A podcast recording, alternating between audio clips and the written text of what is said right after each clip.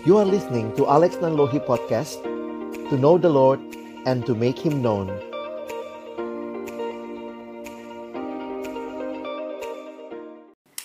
Mari sama-sama kita berdoa sebelum kita membaca merenungkan firman Tuhan kita berdoa. Benar ya Tuhan, hidup kami milikmu, kami persembahkan kepadamu dan jadilah bukan seperti yang kami ingini tetapi seperti yang kau ingini. Kembali sore hari ini kami bersyukur kesempatan ibadah Tuhan berikan kepada kami kami sudah memuji namamu Tuhan, menaikkan doa kami kepadamu, dan tiba waktunya bagi kami untuk membuka firmanmu. Kami mohon, bukalah juga hati kami ketika kami akan membuka firmanmu. Jadikanlah hati kami seperti tanah yang baik. Supaya ketika benih firman Tuhan ditaburkan itu boleh sungguh-sungguh berakar, bertumbuh, dan juga berbuah nyata di dalam kehidupan kami. Berkati hambamu yang menyampaikan, setiap kami yang mendengar, Tuhan tolonglah kami semua, agar kami bukan hanya jadi pendengar-pendengar firman yang setia, tapi mampukan dengan kuasa dari rohmu yang kudus, kami dimampukan untuk menjadi pelaku-pelaku firman-Mu di dalam hidup kami, di dalam masa muda kami. Bersabdalah ya Tuhan, kami umat-Mu sedia mendengarnya dalam satu nama yang kudus, nama yang berkuasa, nama Tuhan kami Yesus Kristus, kami menyerahkan pemberitaan firman-Mu. Amin. Ya, shalom teman-teman. Bersyukur buat kesempatan boleh sharing firman Tuhan dengan teman-teman adik-adikku dari uh, FKUI.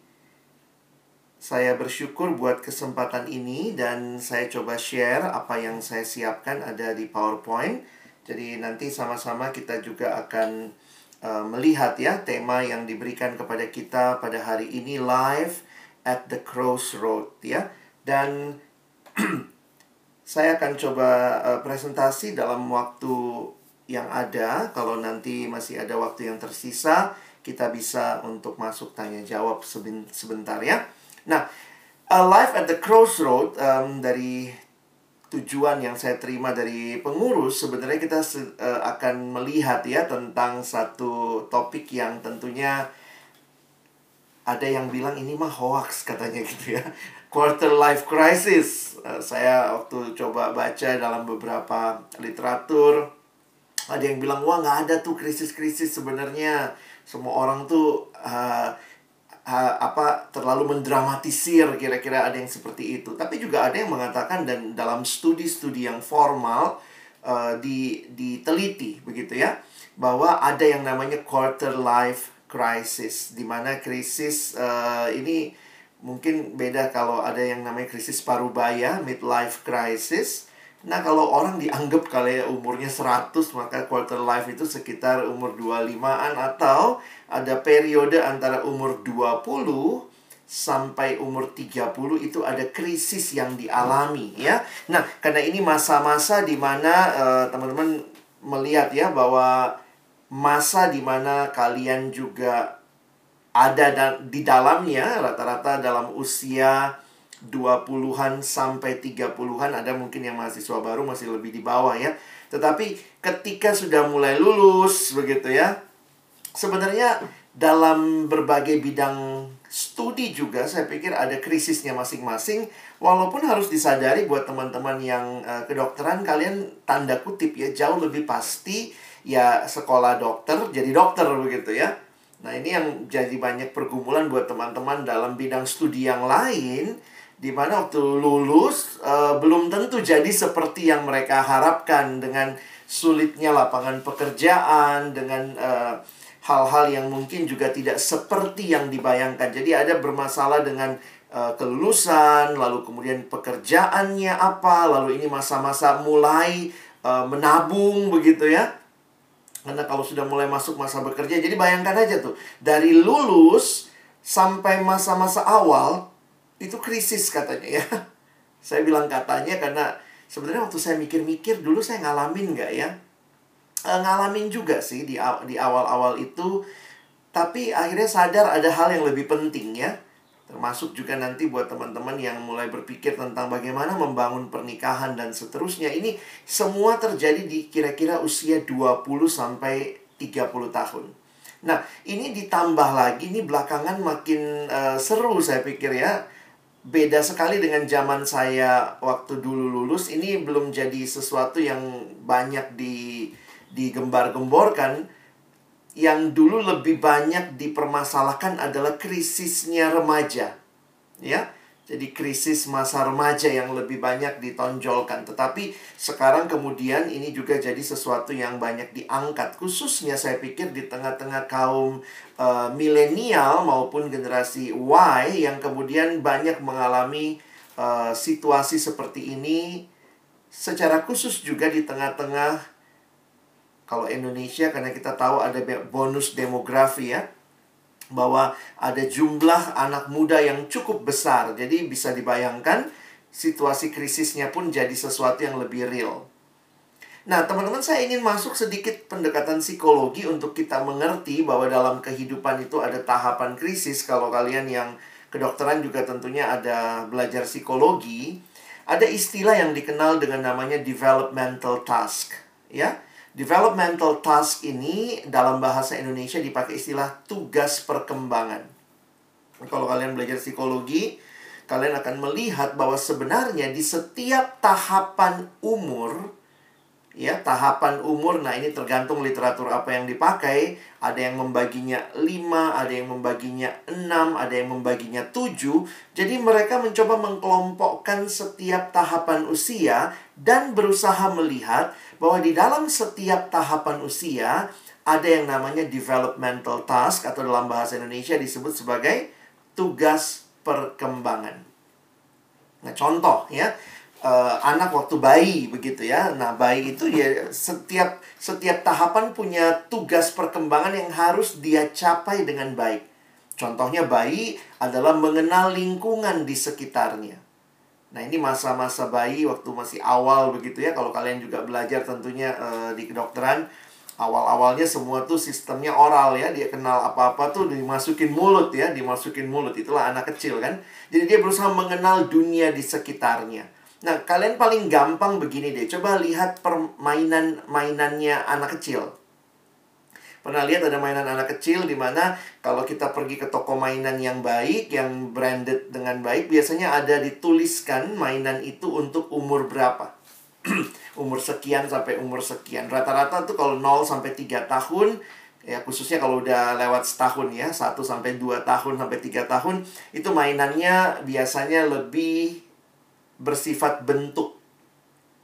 Sehingga anak itu bisa memegang, melihat bentuk, terus kemudian mungkin bisa bunyi gitu ya. Lalu kemudian nanti juga mainannya itu mungkin uh, warnanya cukup mencolok begitu ya. Jadi itu masa-masa di mana anak di usia itu diharapkan mengenal bentuk mengenal warna mengenal tekstur. Nah itu tugas perkembangan yang harus dia lalui. Nah sebenarnya ini banyak sekali uh, apa ya uh, teorinya yang kita bisa lihat di mana setiap tugas perkembangan itu punya uh, bagian yang harus dia penuhi. Dan kalau dia tidak dapat itu pada masa itu, nah maka itu mungkin akan jadi masalah di pertumbuhan selanjutnya. Nah, ini yang kalau kita pelajari misalnya ya katanya golden age itu 0 sampai 5 tahun atau ada yang bilang sampai 3 tahun di mana anak belajar tentang security, tentang uh, ketenangan, keamanan itu di masa-masa itu, ya. Jadi makanya biasanya kalau anak bayi nangis tuh makanya harus langsung di dipeluk, didekap begitu ya. Nah, bayangkan kalau orang tuanya abai ketika dia nangis diabaikan saja seperti itu, maka dia tidak merasa ada safe place ya, safe world buat dia.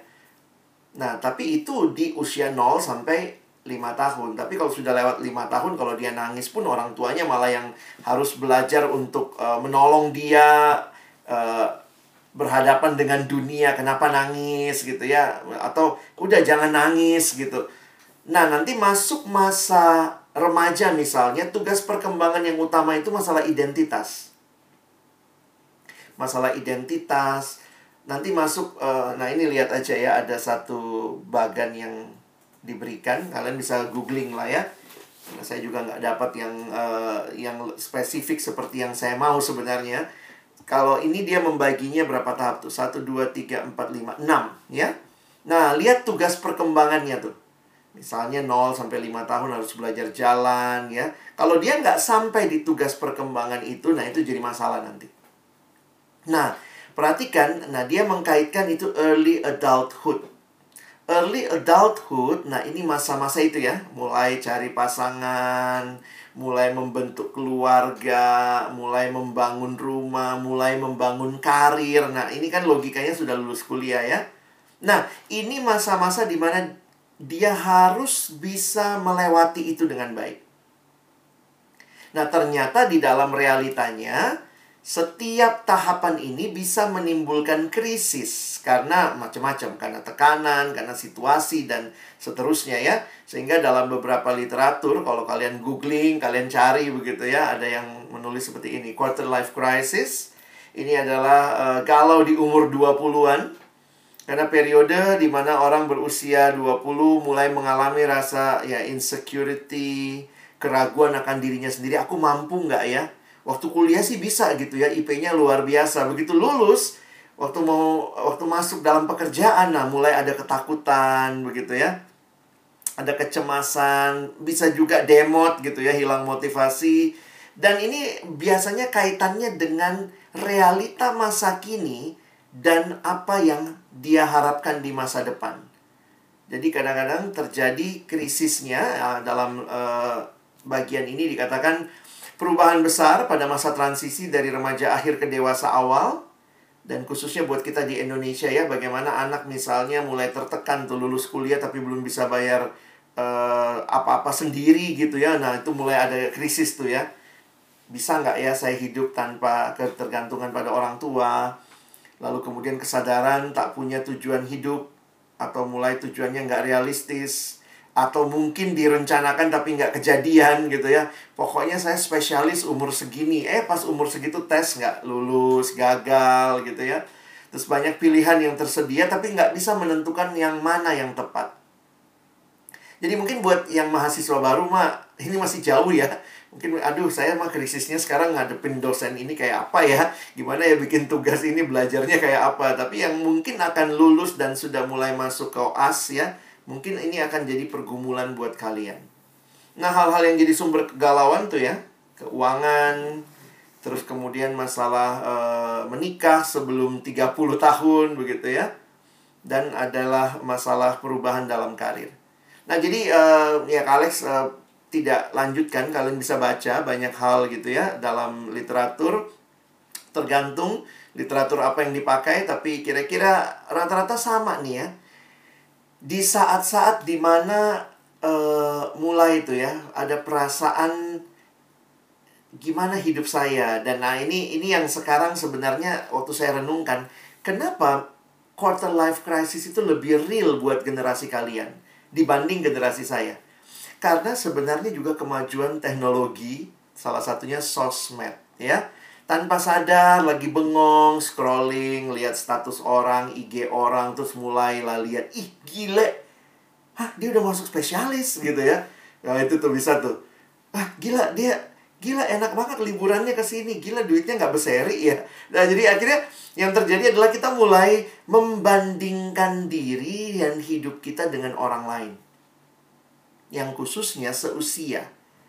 Jadi memang ini masa-masa di mana uh, kalian paling banyak kalau lihat pengguna internet tuh paling banyak di usia 20-an. Saya juga baru sadar gitu ya, pengguna internet itu bukan ada di usia remaja paling banyak. Dari survei di Indonesia itu yang paling banyak sebenarnya 25 sampai 35 pengguna internet dan itu masa-masa di mana khususnya 25 itu ya, mulai itu merasa uh, saya mulai mencapai sesuatu dalam hidup dan seterusnya dan terbiasa juga kan kita udah terbiasa apa-apa diposting, apa-apa diposting gitu ya. Dan itu ternyata bagi kita bisa sebagai postingan bentuk pencapaian. Ya. Pokoknya ada gitu. Sebelum usia 30 saya sudah mengunjungi 80 negara di dunia. Wah, ada cita-citanya unik-unik gitu ya. Sehingga waktu dia posting, nah ternyata yang lain mungkin bisa jadi sumber krisis gitu ya postinganmu tanpa sadar. Ya kita nggak bisa nyalahin yang posting ya, tapi sebenarnya yang bisa kita kontrol adalah diri kita.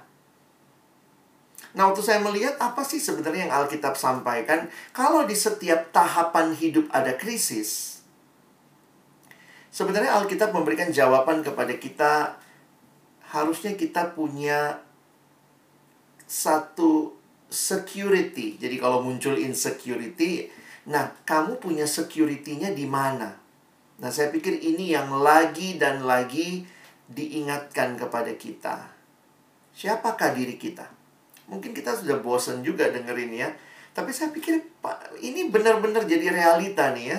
Ketika uh, dalam sebuah simposium pelayanan untuk kaum muda, akhirnya uh, dalam simposium itu kami menyimpulkan bahwa memang generasi muda, nah saya kategorikan muda itu ya sampai 35 lah ya kalau perlu ya. Uh, itu sangat butuh identity yang firm. Karena kalau enggak, kita gampang banget goyah. Ini katanya generasi yang lagi alami krisis identitas. Dan sebenarnya identitas juga sekali lagi bukan cuma tugas perkembangannya anak remaja, tapi saya pikir ini juga jadi tugas perkembangan seumur hidup kita yang yang sering kali yang paling mudah digoyang dalam hidup kita tuh identitas kita.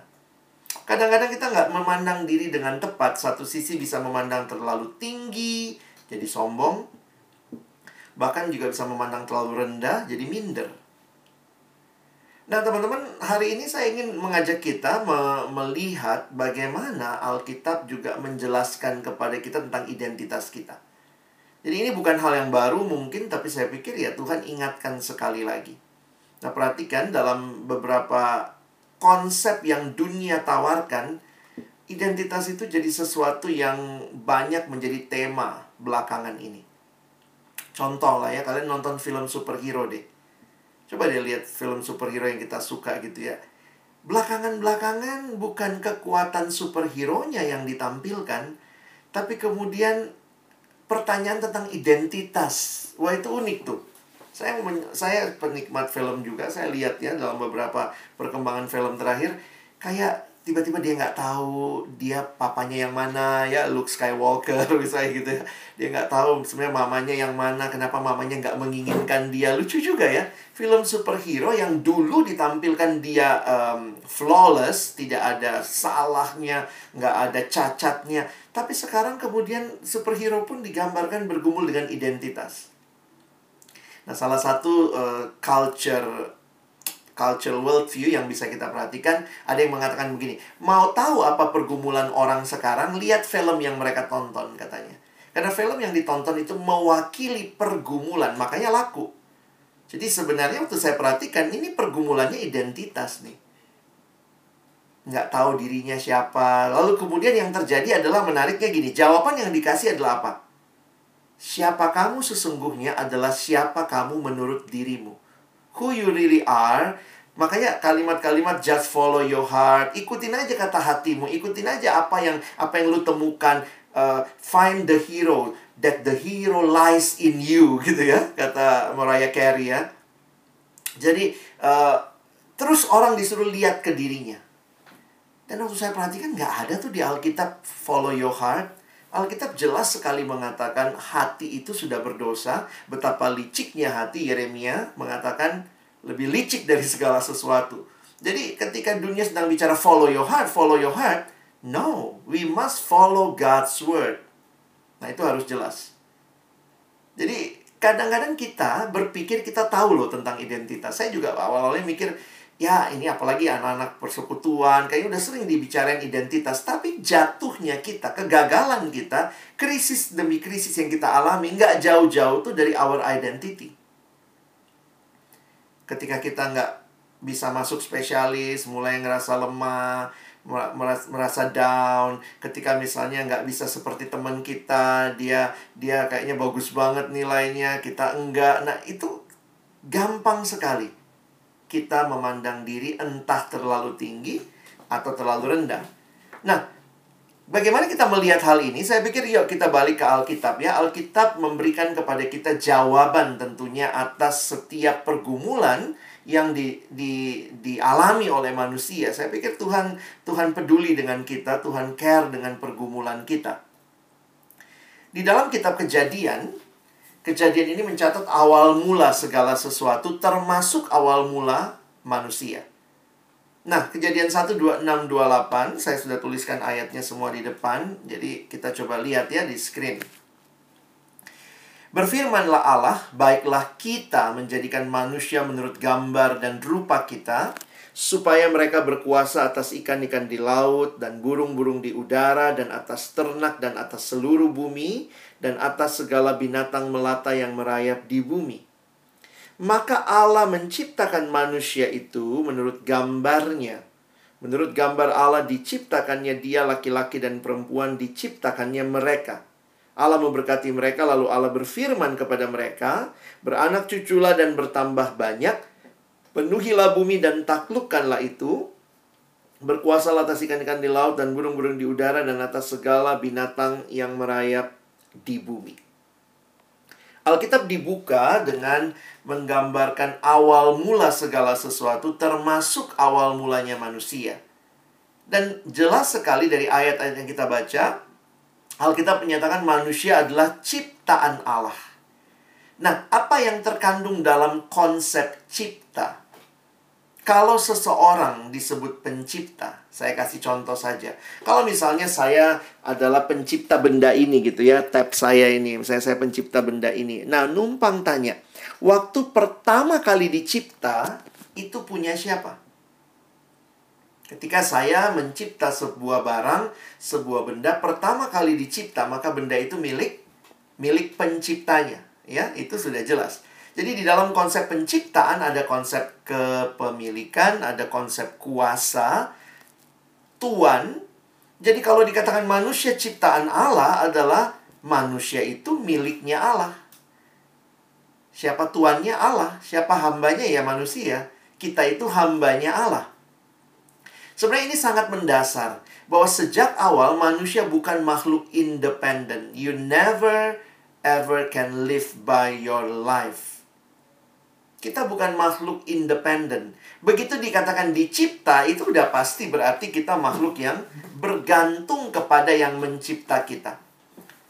Dan ini yang menarik, eksistensi kita dikaitkan dengan pencipta kita. Makanya ada kalimat menarik mengatakan, without man, God is still God.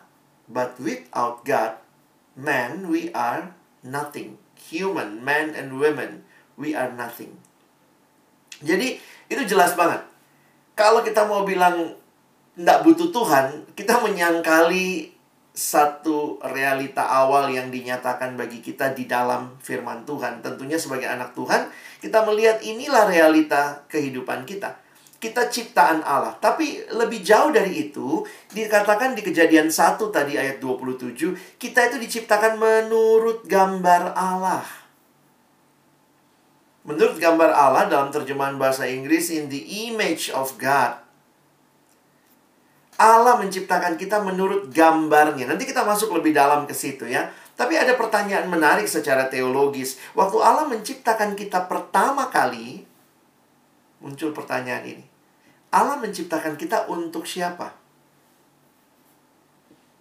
Apa Tuhan ciptain kita sekedar iseng gitu? Aduh, nggak ada mainan, eh bikin manusia gitu ya. Nah, kalau udah dibikin, pertanyaannya Tuhan ciptakan kita tuh untuk siapa sih? Nah, di dalam pemahaman teologi ya yang tepat, saya pikir kalimat ini jadi menarik nih. Allah menciptakan manusia pertama dan terutama. Bukan bagi manusia yang lainnya bukan bagi sesama.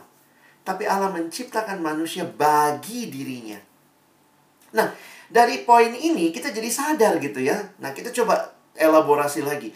Kalau kita diciptakan bagi Allah, maka berarti kita adalah makhluk yang harus selalu berelasi dengan Allah. Kan dia ciptakan kita buat dirinya. Karena itu di dalam pemahaman ini dikatakan manusia adalah makhluk yang menyembah karena kita diciptakan oleh Allah untuk Allah, maka kita akan selalu menyembah Allah. Itu default setting kita. Manusia adalah homo adoramus. To worship is human. Saya jadi ingat pengalaman, eh bukan pengalaman ya, waktu nonton, pernah nonton ini ya, uh, yang kecil-kecil kuning tuh. ya kita tahu uh, Minion ya. Minion itu kalau film kartunnya nolong kita menghayati Minion itu selalu cari tuan untuk dia layani. Kalau kita ingat ya, sayangnya memang dia selalu tuan cari tuan yang paling jahat. Nah, sebenarnya waktu saya perhatikan that is what is all about us. Itu tentang manusia. Manusia itu adalah makhluk yang menyembah karena itu kita selalu cari yang kita sembah. Dan harusnya yang kita sembah adalah Allah. Sayangnya manusia dalam kejatuhan setelah kejatuhan dalam dosa manusia mencari yang bukan Allah itu yang mengerikan. Jadi kalau demikian manusia makhluk yang menyembah, manusia harusnya menyembah Allah, maka manusia hanya menemukan kepuasan sejati di dalam penciptanya. Nah, ini clear. Kepuasan sejati itu bukan dari ciptaan, tapi dari pencipta. Beda ya? Jadi kalau engkau define yourself, if you define your success, yourself, your your um, self esteem dari ciptaan, wih kita miss the whole point of being a human. Nah, coba lihat krisis-krisis yang kita alami ketika kita melihat kita nggak dapat uang seperti orang lain, kita nggak dapat uh, apa ya kita nggak bisa dapat achievement seperti orang lain somehow kadang-kadang saya pikir sedih juga ya. We put our self esteem hanya kepada sesuatu yang sebenarnya bukan pencipta tapi ciptaan. Saya selalu ingat gitu ya kalimat Yesus. Kadang-kadang gampang banget lupa. Yesus bahkan ngomong gini untuk apa seorang memperoleh seluruh dunia ini tapi ia kehilangan nyawanya Sementara dalam banyak pengalaman hidup banyak orang yang sengaja bahkan dengan dengan begitu uh, apa ya begitu intentionalnya melupakan Tuhan untuk dapat segalanya dalam dunia ini. Jadi sebenarnya kalau kita taruh harga diri kita, harga dirimu bukan dari kamu dokter apa nggak dokter. Ya, jadi kita harus melihat kamu harus menaruhnya kamu tuh anak Tuhan apa bukan gitu. Jadi bukan masalah jadi dokternya yang segala-galanya. Tapi apakah kita ada di dalam Tuhan, our whole identity itu ada di dalam pencipta kita. Nah, Santo Agustinus mengatakan kalimat yang menarik dalam doanya, dan ini sering kali dikutip ya. Dia katakan, Tuhan, engkau menanamkan dalam hati kami kesenangan untuk memujimu. Nah, dari sini doktrin yang saya ambil tadi ya. Engkau menciptakan kami bagimu. Karena itu, kalau realitanya kita diciptakan bagi Allah dan hati kami gelisah sebelum beristirahat padamu. Jadi menarik dalam bahasa Inggris eh, permainan katanya menarik. And our souls are restless until they find rest in you. Wah, sebelum kita beristirahat di dalam Tuhan, maka kita akan selalu restless, galau. Jadi, kalau pikir-pikir dari kalimat-kalimat ini, sederhana aja. Kalau saya lagi ngalamin krisis, saya galau, jangan-jangan memang saya sedang menaruh harga diri saya, pencapaian saya, kesenangan saya, kepuasan saya, bukan pada Tuhan, tapi pada hal lain selain Tuhan. Orang pintar ini Blaise Pascal bukan cuma pintar dalam rumus-rumusnya. Dia seorang Kristen yang baik. Beberapa mengkategorikan dia seperti uh, teolog juga ya. Dia menulis buku-buku Kristen juga. Dan dalam tulisannya dia menuliskan begini. Hati manusia biar kecil. Namun jika seisi dunia diisi ke dalamnya tetap tidak akan memuaskannya. Karena hanya sang pencipta yang bisa memuaskan dia. Nah jadi teman-teman mari coba refleksikan ya kalau nanti kalian alami atau sekarang lah atau kapan pun ya karena setiap tahap hidup tuh ada krisis ya. Coba gali lagi hati kita. Kenapa sih gue galau banget gitu ya? Kadang-kadang kita bisa naruh harga diri kita dari berapa nilai kita. Tentu bukan berarti ini excuse orang Kristen nggak apa-apa lah nilainya jelek-jelek nggak apa-apa lah kuliahnya nggak lulus nggak jadi dokter nggak apa-apa yang penting dalam Yesus. Tentu bukan demikian ya. Tetapi kalau kamu sudah berjuang keras, ternyata nilaimu tidak seperti yang kamu harapkan, jangan berpikir that is the end of the world. Karena kamu sudah berusaha keras, tapi ternyata dalam realitanya mungkin ya, kamu tidak mencapai apa yang kamu mau, jangan berpikir habislah hidupku. Ya. Nah, kita kembali lihat sebentar. Ada hal yang menarik waktu perhatikan apa artinya diciptakan dalam gambar Allah. What makes us special? Apa yang membuat manusia itu special? Nah, mari lihat sebentar. Ini ini saya ambil uh, sisi alkitabiahnya ya. Perhatikan di dalam kitab Kejadian, tadi yang kita baca Kejadian 1 ayat 26 sampai 28. Nah, tapi waktu kita naik sedikit Kejadian 1 ayat 11, ini penciptaan tumbuh-tumbuhan. Ya, coba lihat. Jadi dalam urutannya uh, tumbuhan di kejadian 1 ayat 11. Berfirmanlah Allah, hendaklah tanah menumbuhkan tunas-tunas muda, tumbuh-tumbuhan yang berbiji, segala jenis pohon, buah-buahan yang menghasilkan buah yang berbiji, supaya ada tumbuh-tumbuhan di bumi. Dan jadilah demikian. Tanah itu menumbuhkan tunas-tunas muda, segala jenis tumbuh-tumbuhan yang berbiji, dan segala jenis pohon-pohonan yang menghasilkan buah yang berbiji Allah melihat bahwa semuanya itu baik, jadilah petang dan jadilah pagi, itulah hari ketiga. Teman-teman, kalau kita lihat sekilas, nah, tidak terlalu nampak sebenarnya pengulangan karena bahasa Indonesia menerjemahkannya sedikit, uh, bukan sedikit ya, memang terjemahannya kalian bisa lihat sekarang kalau abang tunjukin yang bahasa Inggrisnya ya, perhatikan kalimat yang menjadi penekanan ya. Then God said, Let the land produce vegetation. Jadi kalimatnya dalam bahasa Inggris ya, nanti uh, kita lihat sebentar di uh, laptop saya agak sedikit lag ya. Then God said, Let the land produce vegetation, seed-bearing plants and trees on the land that bear fruit with seed in it, according to their various kind. And it was so. The land produced vegetation, plants bearing seed according to their kinds, and trees bearing fruit with seed in it according to their kinds. And God saw that it was good, and there was evening, and there was morning, the third day. Nah, teman-teman, sorry ya, agak sedikit trouble di sini. Saya ingin ingatkan, perhatikan istilah yang digunakan di dalam bacaan ayat yang sama dalam bahasa Inggris. Kalimat yang menarik yang diulang itu dituliskan according to its kind. Ya, coba saya tunjukkan lagi slide-nya, udah bisa. Nah, according to its kind, kalau kalian perhatikan di dalam terjemahannya, Indonesia hanya menerjemahkan menurut menurut ya, menurut jenisnya, menurut jenisnya. Nah, bahasa Inggris menerjemahkan according to their various kind, according to their kinds. Jadi saya membayangkan begini. Lihat tumbuhan, kalian tahu kan ada berbagai jenis mangga di dunia. Ada mangga, jangan bilang mangga manis, mangga asam bukan ya, jenisnya. Coba misalnya ada mangga arum manis, ada mangga indramayu, ada mangga macan, ada mangga apel, Nah, kenapa kalau kita lihat mangga itu, apa pun jenisnya, begitu kita lihat, kita langsung bisa bilang itu mangga. Karena sebenarnya ada satu konsep. ada satu konsep tuh. Konsep apa? E, kemanggaan. Gimana ngomongnya ya? Ada kemanggaan. Sehingga begitu kita lihat kemanggaan itu, eh, melihat buah mangga, kita langsung mangga ini diciptakan mewakili kemanggaan. Kira-kira gitu ya.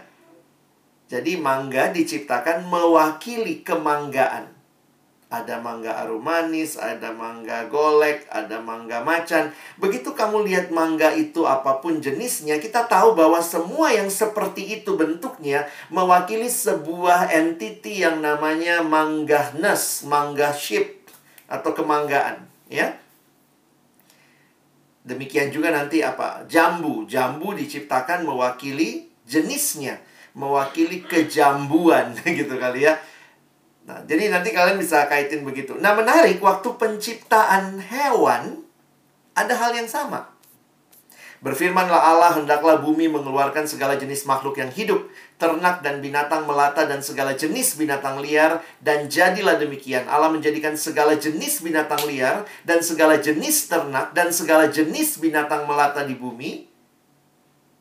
Di muka bumi, maka Allah melihat bahwa semuanya itu baik.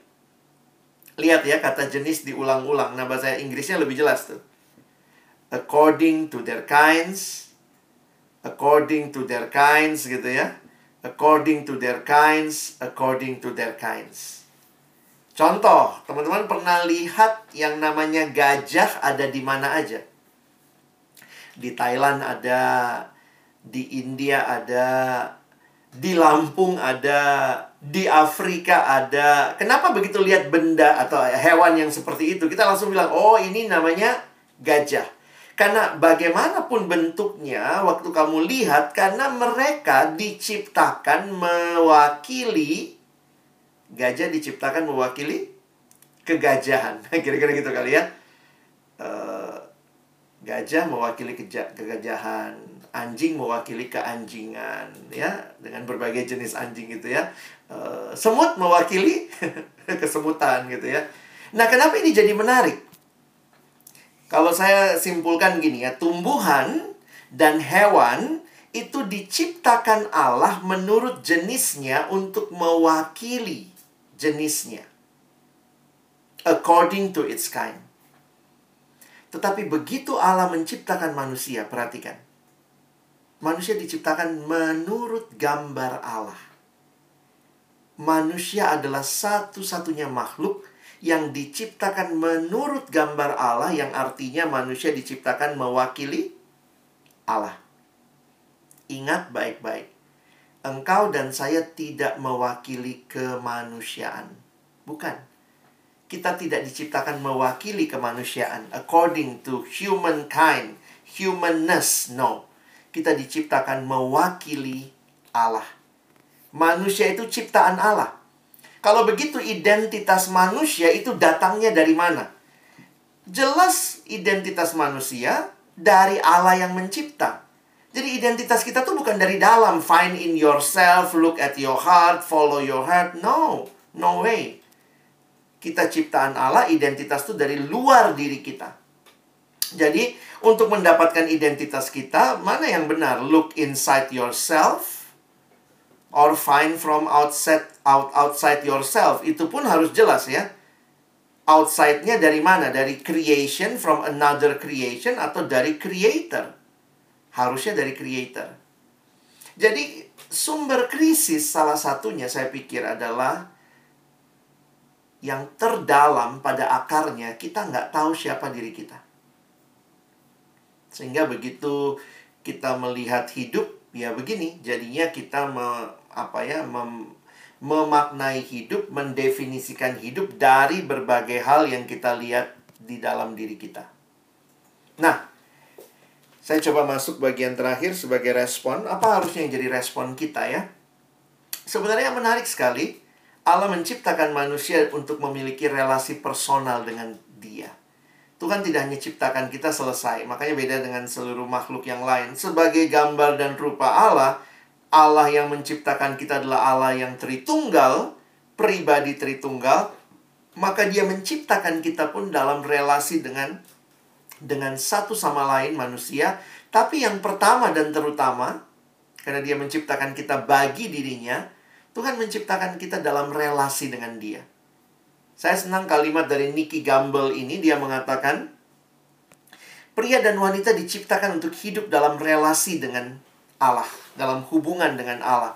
Tanpa hubungan tersebut akan selalu ada rasa lapar, sebuah kekosongan dan sebuah perasaan yang hilang. Ini gambaran hidup yang terputus hubungan dengan Tuhan. Karena Tuhan maunya berrelasi dengan kita. Nah, menariknya, relasi seperti apa sebenarnya yang manusia cari? Nah, dari kalimat ini saya bisa menyimpulkan Nicky Gamble melanjutkan tidak ada satupun hubungan manusia yang dapat memuaskan atau yang dapat terus bertahan. selalu akan ada uh, selalu akan ada sesuatu yang hilang. Itu karena kita diciptakan untuk hidup di dalam hubungan dengan Allah. Teman-teman ingat, tidak ada satupun ciptaan yang bisa memuaskan kita, apa pun namanya. Dan tidak ada satupun relasi yang sifatnya manusiawi, duniawi bisa terus bertahan. Contoh pacar. Pacar bisa memuaskan kita? Dalam hal kepuasan yang terdalam hanya Tuhan yang bisa berikan. Apakah ada pacar yang nggak bisa mati? Terus bertahan. Nggak orang tua kita bisa meninggal, pacar kita bisa meninggal, sudah menikah pun salah satu bisa meninggal duluan. Berarti semua hubungan ada batasnya. Tapi manusia, kenapa kita selalu mau hubungan yang tidak terbatas dan terus-menerus memuaskan? Itu adalah bukti bahwa kita tuh diciptakan untuk berelasi dengan pribadi yang kekal. Satu-satunya yang bisa memuaskan kita dan hubungan dengan dia akan terus bertahan. Karena itu teman-teman, sekali engkau memiliki hubungan dengan Allah, relasi dengan Allah, maka tujuan dan arti kehidupanmu akan semakin jelas. Dan bersyukur, di dalam Kristus Allah yang mem mem memberi jalan kita datang kepada dia. Bukan sebaliknya ya. Kita bisa datang itu karena Allah yang membuka jalan. Kristus mati bagi kita bukan kita yang mencapai surga, tapi Allah yang datang ke dunia. Karena itu, ini kesimpulan saya untuk kita dalam krisis apa pun ya. Your identity and purpose come from God.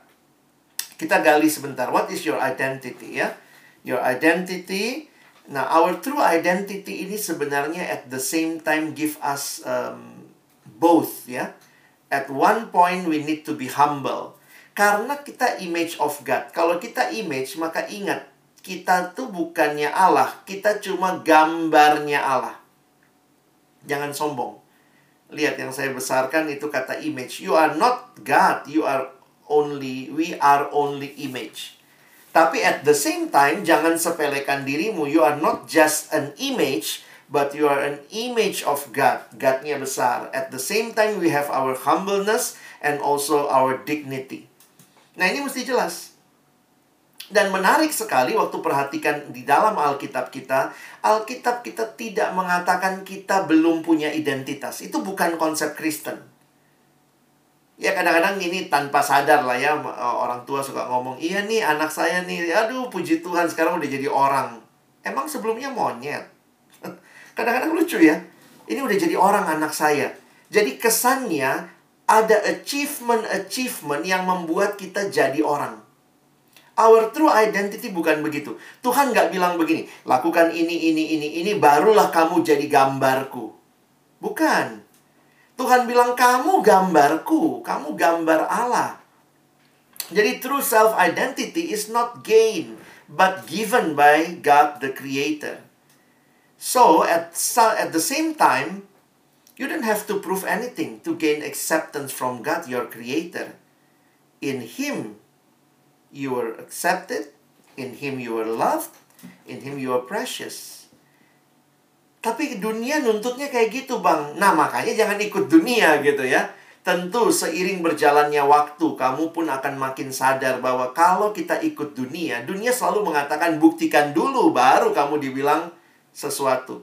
Alkitab berkata tidak, identitas itu bukan kita dapat karena kita melakukan sesuatu, tetapi karena Tuhan yang kasih identitas itu.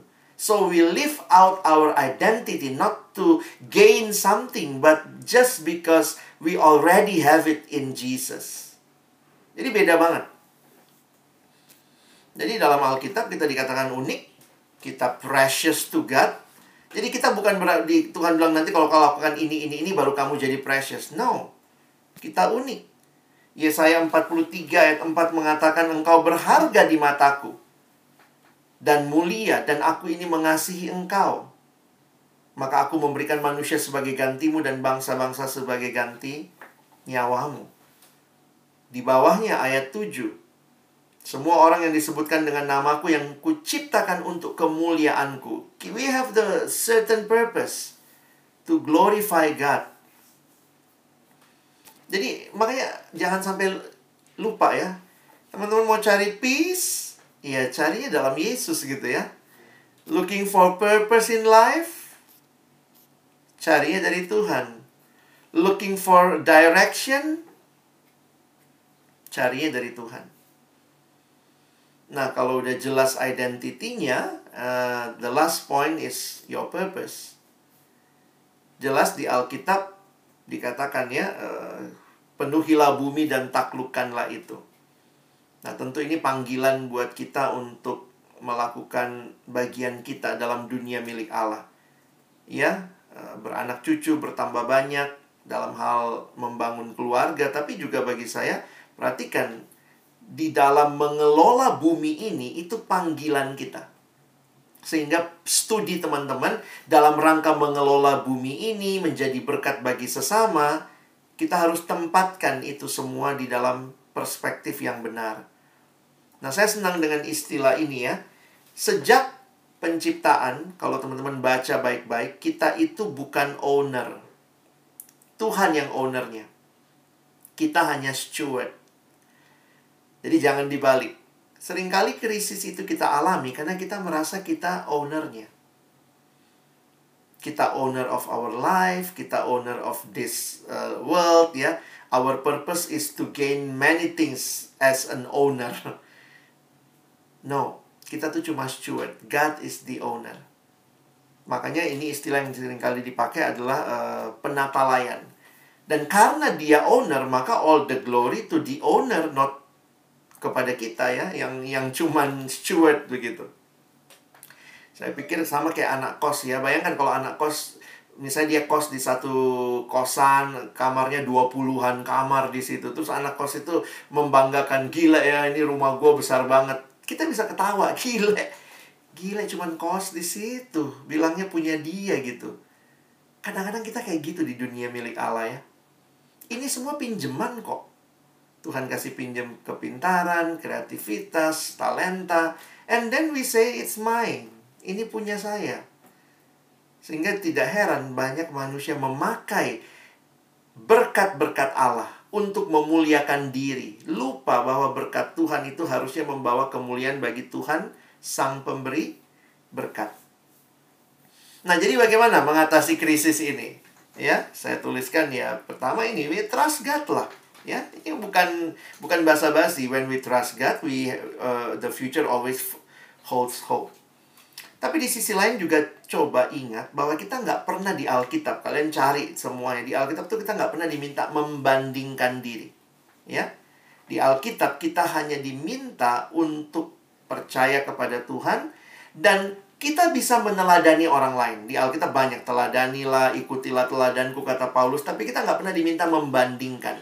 Karena kalau bicara apa yang saya punya, yang orang lain nggak punya, itu bicara Tuhan yang mempercayakan kepada setiap orang menurut kemampuannya. Kita nggak pernah bisa membandingkan. Tuhan kenapa dia punya lima talenta? Kenapa saya cuma satu? Kenapa dia punya dua? Kenapa saya cuma satu? Atau yang lima bilang, Tuhan berat banget sih gue lima, dia satu doang gitu ya. Nggak. Setiap orang diberikan talentanya masing-masing. Tapi kita harusnya percaya kepada Tuhan bahwa Dia memberikan kepada kita yang terbaik. Jadi kita nggak usah banding-bandingin diri sama yang lain ya. Nah, eh, di mana Yesus dalam krisis-krisis hidup kita ya? Ada satu ayat yang berkesan buat saya sebagai penutup di dalam 1 Petrus 1 ayat 3 dan 4. Teman-teman, waktu saya baca ulang ayat ini menghayati, saya menikmati ya kalimat yang saya buat dalam warna yang berbeda. Terpujilah Allah dan Bapa Tuhan kita Yesus Kristus yang karena rahmatnya yang besar telah melahirkan kita kembali oleh kebangkitan Yesus Kristus dari antara orang mati kepada suatu hidup yang penuh pengharapan. Seringkali krisis yang kita alami karena kita nggak punya pengharapan hidup kita nggak tahu lagi pengharapan kita udah ganti bukan sama Tuhan tapi sama uang bukan sama Tuhan tapi sama kesuksesan karir kita tapi ini yang paling basic kebangkitan Yesus membawa hidup yang penuh pengharapan Dan akhirnya ayat 4 untuk menerima suatu bagian yang tidak dapat binasa, ini yang kekal semua ya. Yang Tuhan berikan bagi kita pada akhir zaman, pada waktu Tuhan yang tidak dapat binasa, yang tidak dapat cemar, yang tidak dapat layu. Kemarin saya ada satu urusan untuk dosen.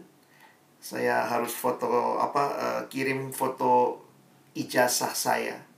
Salah satu ijazah yang saya kirim ya ijazah UI kan. Selain S2 saya dalam bidang teologi, saya foto ijazah. Kadang-kadang saya pikir ya ampun, gue kuliah sekian tahun cuma dapat selembar doang tuh sudah mulai kumel-kumel ya warnanya kan eh, saya lulusnya udah cukup lama iya ya ijazahku bisa bisa lapuk gini ya. Saya udah plastikin bagus gitu ya. Tapi yang Tuhan janjikan sesuatu yang tidak dapat binasa tidak dapat cemar dan tidak dapat layu. Sebenarnya sangat bodoh kalau hidup kita hanya fokus sama hal-hal yang sekarang. Tentu kalau kita punya hal yang sekarang ingat prinsip penata layan lakukan berikan yang terbaik. Pakai karuniamu talentamu untuk memuliakan Tuhan So you can live differently. Waktu orang ngalamin krisis harusnya kita live differently ya. Why? Because we have a living hope. Why we have a living hope? Because we have a living Savior. Mari jalani hidup apa pun krisisnya, apa pun insecurity yang kita alami, there is there is always God, Jesus. Dialah pegangan kita untuk melangkah maju. Kiranya Tuhan menolong kita, bukan hanya jadi pendengar firman, tapi jadi pelaku firman. Mari kita berdoa. Tuhan terima kasih setiap kebenaran boleh kami renungkan dan memerdekakan hati kami. Mungkin setelah uh, setelah kami mengalami quarter life crisis, kami masuk lagi dalam krisis baru lagi. Sampai masa akhir hidup kami selalu ada krisis. Karena itu biarlah kami benar-benar firm, firm di dalam identitas kami, tujuan hidup kami, keberadaan kami yang ada di dalam Tuhan. Tolong kami tidak melupakan itu, sehingga kami selalu punya harapan yang ada di dalam Tuhan. Dan bukan hanya itu, kami pun bisa membagikan harapan itu bagi saudara-saudara kami, teman-teman kami yang sedang bergumul dengan krisis-krisis yang mereka alami. Tolong Akhirnya kami bukan cuma jadi pendengar firman, tapi jadi pelaku firman dan jadi orang-orang yang menyaksikan Kristus yang hidup dalam diri kami. Terima kasih Tuhan dalam nama Yesus kami berdoa. Amin.